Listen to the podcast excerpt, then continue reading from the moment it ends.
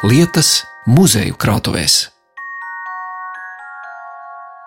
Tas, kas man patīk mūsu krājumā, tad te var arī, un kas ir jebkurā atmiņas institūcijā, jebkurā krājumā, faktiski var arī izvērst tādu kā detektīvu stāstu.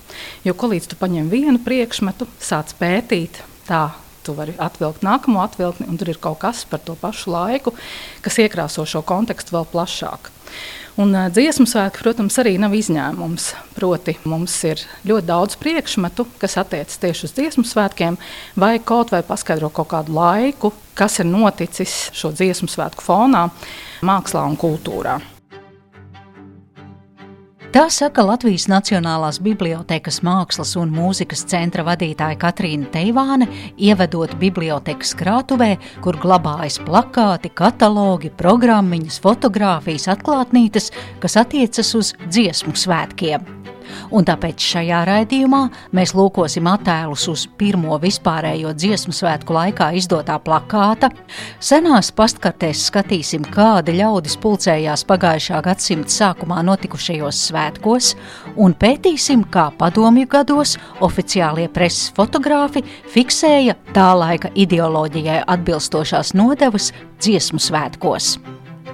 Latvijas Nacionālās bibliotekas mākslas krājuma eksperts Toms Herings ir izklājis uz galda nodzeltējušu laika zobas kartu papīra lapu, kur augšpusē ir uzzīmēts eņģelis virs pilsētas fona, apakšā togā tērpts vīrs, tam apkārt kaili bērneļi, vieni ar rakstām papīru un spalvas kātu, citi kāpj augšā par rožu klātiem zariem. Lapas vienā pusē ir redzams sējējs uz lauka, un pašā vidū, gotisku torņu ietvarā, ir iekļauts teksts Jūra Alunāna dzējas rindas, nevis slinkojot un pūstot. Vaicāsit, kāda te ir saistība ar dziesmu svētkiem? To skaidro Toms Herings. Sāksim ar vecāko dziesmu svētku plakātu. Nu, no pirmajiem dziesmu svētkiem, un tas lūk būs šis te Tā kā lielas, lielas grāmatas titulāpi izskatās. Tieši tā, un ir tāds termins, ko arī lieto protoplakāts, norādot uz to, ka tas nav tas pats, kas mūsdienu izpratnē plakāts, kas pēc definīcijas parasti ziņo par vienu notikumu sabiedrības vai varbūt preci, tad šai gadījumā nu, tik vienkārši to tā nevarētu pateikt, jo viņš ir ļoti piesātināts. Un, teiksim, no sākuma mēs pat nevaram nojaust, kā viņš tieši nu, tagad no malas skatoties, kā viņš tieši saistās ar dziesmu svētkiem. Bet tā zīmīgākā lieta, kas šeit ir īstenībā, ir tieši datējums, kas arī uz šīs lapas ir, ir apakšā, kur ir rakstīts no cenzūras atvēlēts Rīgā 27. jūnijā 1873. gadā. Un dziesmu svētki tātad notiek no 26. līdz 28. jūnijam. Tepatās mēs arī redzam plakāta autoru, arī tas ir pierakstīts. Apakšā zīmēts, akmenī griezts un spiests no H. Šica Jelgavā. Un tātad tas uh, akmenī griezts un spiests nozīmē, norāda tieši tā uz, uz litogrāfijas tehniku. Un šis, es saprotu, mēs runājam par kādu vācu baltieti Jā, nu, zināms? ir lieta tāda, ka tieši par šo šīcu ir samērā maza informācija. Samērā nesen sanāca arī atrast informāciju, ka autors nācis no Prūšas zemēm un ir ziņas par to, ka viņš ir mācījies trīs gadus. Berlīnē tieši litogrāfiju, un tad 60. gados atbraucis uz Mītavu, Jāgaunu, un tur strādājis jā, tieši par zīmētāju litogrāfu. Bet, paskatoties uz šo plakātu, viņu nemaz e, tā uzreiz nevar novērtēt, ja mēs nekoncentrējamies uz e, to centrālo, kas ir tātad trīs e, dzīslu panti. Un redzam, ka autors ir Juris Alunāns. Dzējols ir nevis slinkojot un pūstot.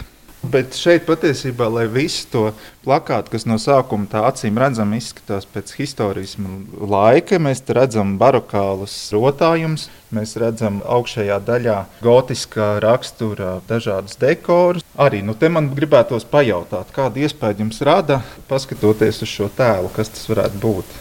Mārtiņš Luters tas laikam nevarētu būt ne. zem šī gotiskā ietvara, bārdains vīrs ar grāmatu rokās.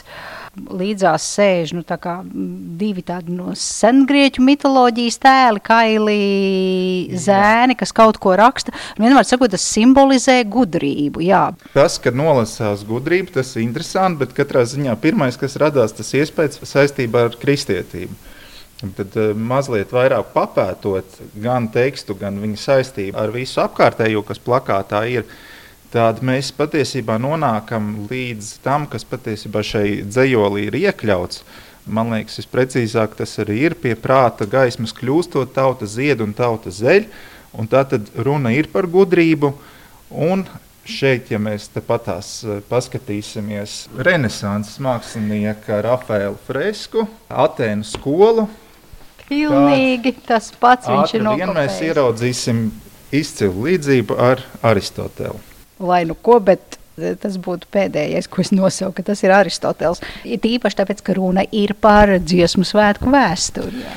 Jā, bet eh, tad mums uzreiz ir jāsaprot, kas ir autors. eh, Juris Salunāns, jādomā par jaunlatviešiem un tiem centieniem tātad tautu vest eh, un mudināt uz izglītību. Un šeit patiesībā pie katra panta mēs arī redzam nu, tādas kā ilustrācijas katram pantam. Un, teiksim, pie paša pirmā mēs redzam tādu jaunu kungu, kas varētu būt arī students. Pie otrā panta, ja ik viens tik zemē sētu vienu graudu veselu, kas tad izskaitītu tad spētu zelta kviešu krājumu.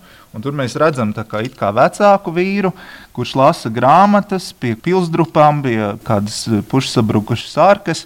Un no sākuma nebūtu varbūt skaidrs, kas tie par graudiem un kā, bet patiesībā mēs kontekstā ar to visu dzējoli un jaunatiešu centieniem un arī rakstiem, ko pats Alunāns ir rakstījis. Tad mēs varam secināt, ka tie graudi, kas ved pie zelta kviešu krājuma, ir gudrība. Un tad mēs šeit redzam, kā tad pie tās gudrības tikt, ir tātad Lasīt grāmatu. mācoties. Un turpatās pie trešā panta. Bet, kas lielīdamies pārdod, ved uz tirgu pelavus, tas kā pels vējiem ārdot, zūd no ļaužu piemiņas. Un te mēs blakus redzam sniega vīriņu, kurš tā kā pīpē. Un atkal mēs varam domāt, kā tas īsti interpretējams. Nu, tad šeit atkal jādomā par latviešu frazeoloģiju, domājot par vajadzīgs kā pērnā gada sniegs. Un tas tā tad tautai nav vajadzīgs. Tad lūk, cik daudz tie kodi ir iešifrēti šajos attēlos. Labi, viens ir tas datums, vai tas, ka arī jūrā lunāna dzējas rindas tur ir, bet tā saistība ar dziesmu svētkiem, kur tad šis, kā jūs teicāt, protoplakāts atradās? Nu, te mēs varam faktiski tikai spekulēt, jo dažādos aprakstos tieši par tiem dziesmu svētkiem, protokolos un, un atskaitēs tieši neparādās tādi izdevumi kā šim plakātam. Bet mēs arī varam uh, paskatīties, ka šo plakātu apgādātājs, jeb izdevējs, ir P. Alunāns, kas ir uh, Jūra Alunāna brālis. Tur atkal interesanti tas, ka īstenībā tajā laikā tas jau ir vairāki gadi, kā Jūras tieši ir miris, bet uh, šo viņa vēstījumu tieši uz dziesmu svētkiem viņa ģimene ir izdevusi un mēdz šos protoplakātus arī saukt par veltījumiem dziesmu svētkiem. Nu, tas varētu būt arī kā tāda dāvana, varbūt vai kā piemiņas plakāts, ko kaut kādā skaitā izdeva, un tad vienkārši tas paliek cilvēkiem mājās.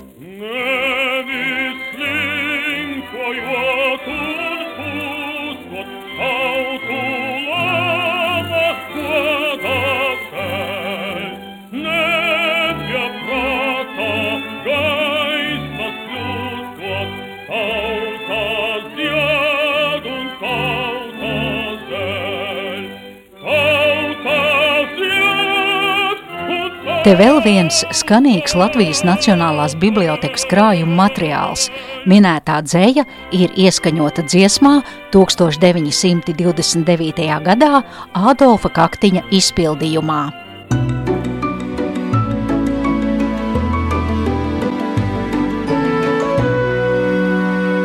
Vietu lietas.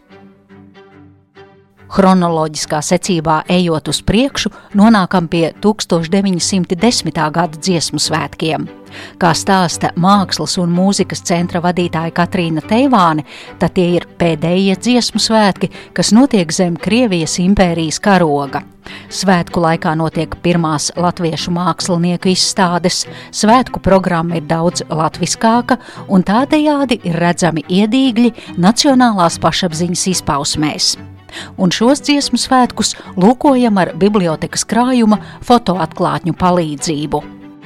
Fotoatklātnes vispār ir ārkārtīgi, ārkārtīgi interesants materiāls, jo, protams, nu, mēs esam pieraduši pie tādām smukām izdevniecību izdotām atklātnēm, ja, kas ir tāds, nu, teiksim, turisma skati, ko cilvēki nopērk atmiņai vai sūtīt tādas smukbildītas. Uz šīm savukārt mēs skatāmies, un tās ir nu, būtībā melnbalts fotografijas, faktiski tādas dokumentālas, ja tādas nejauša rakstura, varētu pat teikt. Ja. Šeit, piemēram, mēs skatāmies uz Anža Skariņa fotografiju. Ants Skariņš bija savā laikā labi pazīstams fotogrāfs, arī publicists un darbojās Latviešu fotogrāfiskajā biedrībā. Un šeit ir viņa fiksēts piekto dziesmu svētku gājiens. Ja mēs paskatāmies, es šo atklātni pati aprakstīju, un man vajadzēja diezgan ilgu laiku, lai saprastu, ka īstenībā tie ir dziesmu svētki, jo gan tā detalizācija, teiksim, nav tik izteikta. Un mēs skatāmies, ka te tuvāk, ja nu, mēs ieskatāmies, Rīgas pils. Tā ir Rīgas pils. Tad mēs ciešāk ieskatāmies, tad, protams, var redzēt karogu, un mēs varam, zinot, ka tas ir dziesmu svētku gājiens, atlasīt kādus, kur varbūt mēs nojaušam kādu tautas tērpu elementu, varbūt. Bet principā nē. Izskatās pēc ļoti liela bara ar pilsētniekiem, pilsētnieku drēbēs.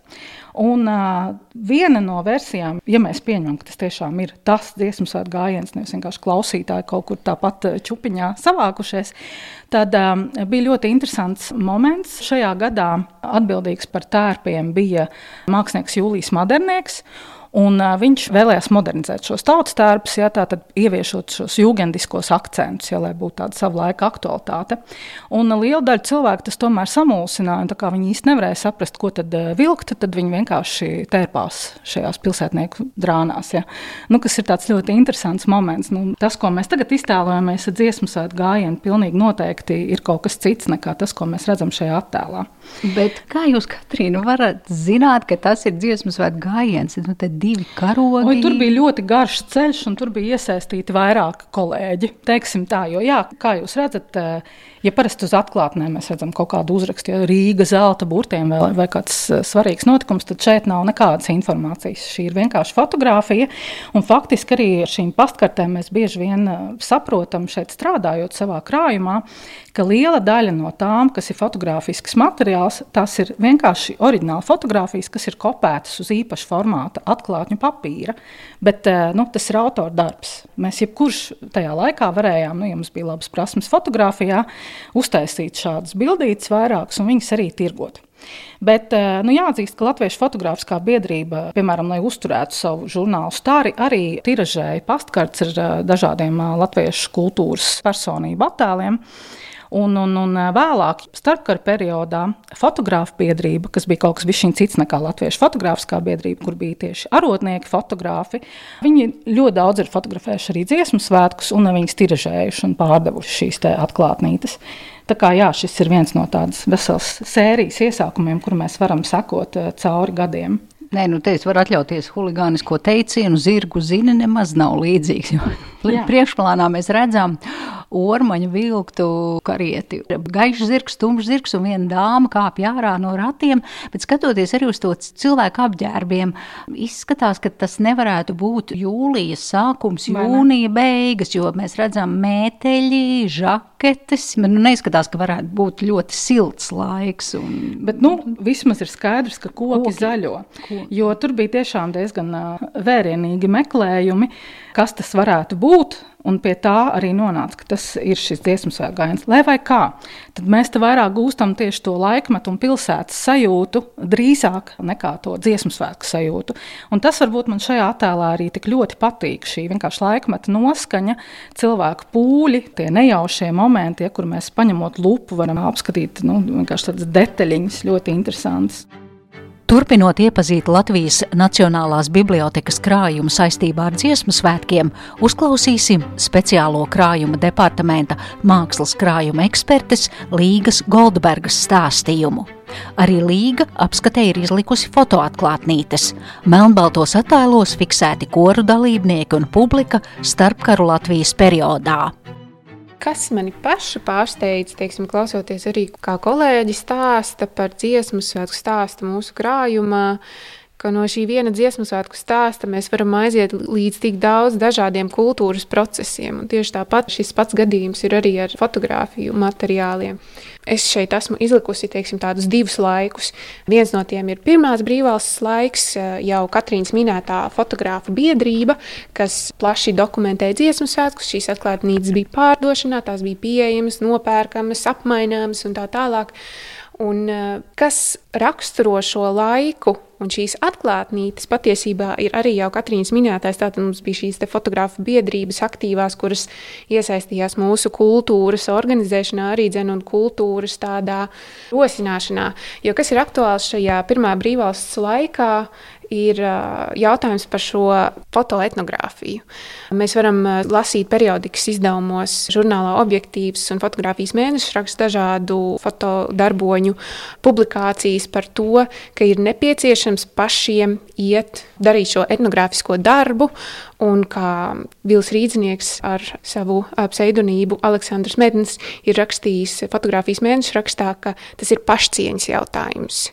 Vai mēs ļausim citiem no malas nākt un fotografēt mūsu kultūru un stāstīt, kas mēs esam, vai mēs to darīsim paši?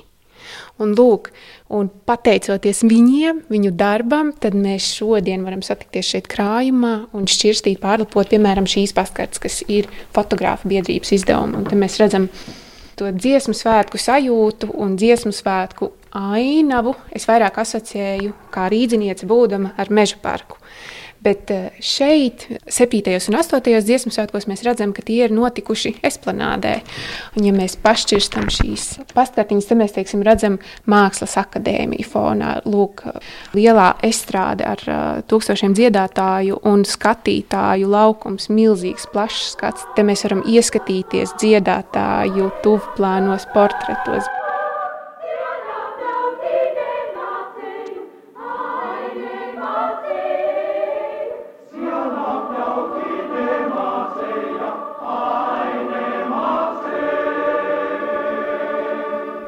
Ejot pāris desmitgadus uz priekšu, nonākam pie pagājušā gadsimta 70. gadiem un toreizējās ziņu aģentūras Latvijas formu fotogrāfu fiksētiem fotoattēliem, kas atainoja padomju Latvijas dziesmu svētkus saistībā ar tā laika valdošo sistēmu, obligātā ziedu nolikšana pie Ļeņina pieminekļa un svētki saistībā ar padomju iekārtas kārtējo gada dienu. Par to turpina Līga Goldberga. Bet tad, ja mēs ieskatāmies šajā fotografijā, tad meitenēm ir piesprāsta tāda broša. Ko mēs... Dziesmu svētku nozīmīte. Mm -hmm. Un tādu oh. pašu mēs redzam Jā. arī kā karogu šeit, eh, deju koncertā. Jā. Un te ir rakstīts tātad eh, Padomju Latvijas dziesmu svētki 1917. 77. gads.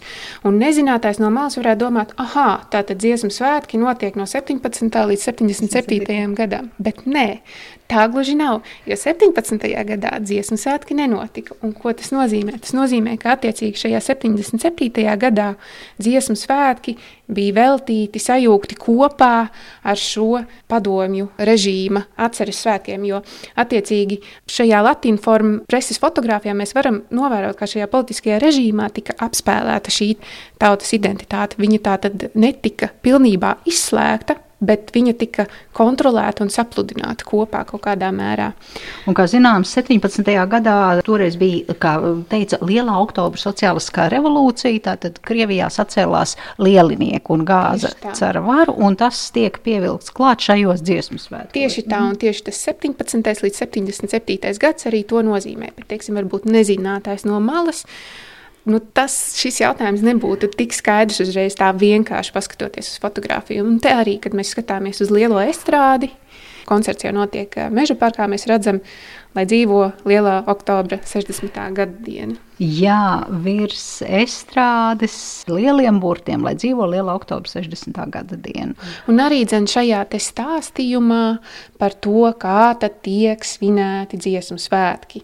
Latvijā 77. gadā šajā stāstījumā, šajā mapītē, latīņu formā mēs redzam, tā tad tiek arī diezgan skaidri konkrēti norādīts, lūk, dziesmu svētku dalībnieki Rīgā noliek pie Ļeņina pieminekļa ziedus. Tātad mums ir šie dziedāšanas, šis, šis kultūras, šis identitātes aspekts, bet viņš ir ļoti spēcīgi pastarpināts ar šo politisko stāstību. Protams, tagad arī, ja nezinātājs, viņš teikt, jā, nu pie kaut kā, droši vien, ka pie brīvības pieminekļa, bet, nu, zinot tos laikus, jā, ka tas ir, kā saka, piespiedu brīvprātīgi, droši vien kora dalībniecēm, mēs redzam sievietes un ar neļķēm. Vasaras, tās neļķes to laiku arī bija sarkanā neļķe, jā, kā sociālisma, kā ļeņina, kā komunisma simbols. Un mēs redzam, ka šādus ziedus liek un skatot, jā, pēc tām mājām tagad apkārt, ka šeit ir tagad mums bijusī viesnīca Latvija, ka pie ļeņina pieminekļa lika mhm. ziedus. Jā. Tieši tā, bet Tad mums pienāk 90. gads, un tas jau ir trešās atmodas laiks. Un joprojām tas ir šis latīņu formu posms, kas ir no šī 74. līdz 91. gadam, kad šis preses fotografijas rīks aizvien ir pakārtots šeit valstī. Bet kā mainās šis fotografiju saturs un kā mainās arī šis teksts, kas pavada fotografijas. Attiecīgi, ka mēs zinām jau šo kontekstu, ka tā ir trešā atmoda. Tad šie svētki vairs nav sajūgti ar režīmu atceres dienām, nav vairs šī padomju kaut kas, kaut kas gadskārtējais, bet nē, tie ir latviešu dziesmu un deju svētki. Un šeit jau mēs jau redzam, parādās šie nacionālai simboli, parādās karoks un arī dzen, šajā preses stāstījumā arī parādās ar šo nācijas identitāti piesātinātais saturs, un tajā mēs redzam jau Māra Zālītes arī citātu. Tad te ir fotografija, kur uh, cilvēki tautstērpos tur plakātu Austrālijas latvieši. Mēs saprotam, ka tie ir pirmie dziesmu svētki, uz kuriem vairumā ieradās trimdas latvieši. Tieši tā.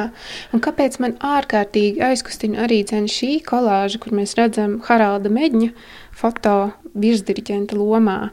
Jo teiksim, tas ir stāsts par to, ko mēs redzam un neredzam fotografijās, ko šī oficiālā fotožurnālistika reprezentē un ko tā izlaiž no tā stāsta. 85. gadā Haralds Mednis bija izslēgts no diriģentu saraksta bet koris viņu izsauca diriģēt. Tauta pieprasīja, jā. Tieši tā. Tauta pieprasīja, lai mednis nāk diriģēt, un tas, protams, nebija nejauši un spontāni, tas bija plānoti. Dziedātāji un diriģenti to bija nolēmuši, ka viņi izsauks medni un viņš nāks diriģēt šo gaismas pili. Un, manuprāt, tā nav sagadīšanās, ka šajā 90. gada ziņu reportāžā viņa šis portrets cieņpilni parādās, parādot šo godu un atzīmējot jā, šo ārkārtīgi svarīgo klātbūtni un šo stāstu, kas varbūt piecus gadus atpakaļ šajā stāstā bija izlaists. Tā mēs te lēnām uzlaužam to kultūra vēsturisko un ideoloģisko kodu, skatot dažādas dziesmu svētku attēlus. Tieši tā. Gaismas pils, ausekļa vārdi, virsdiriģents Haralds Mednis.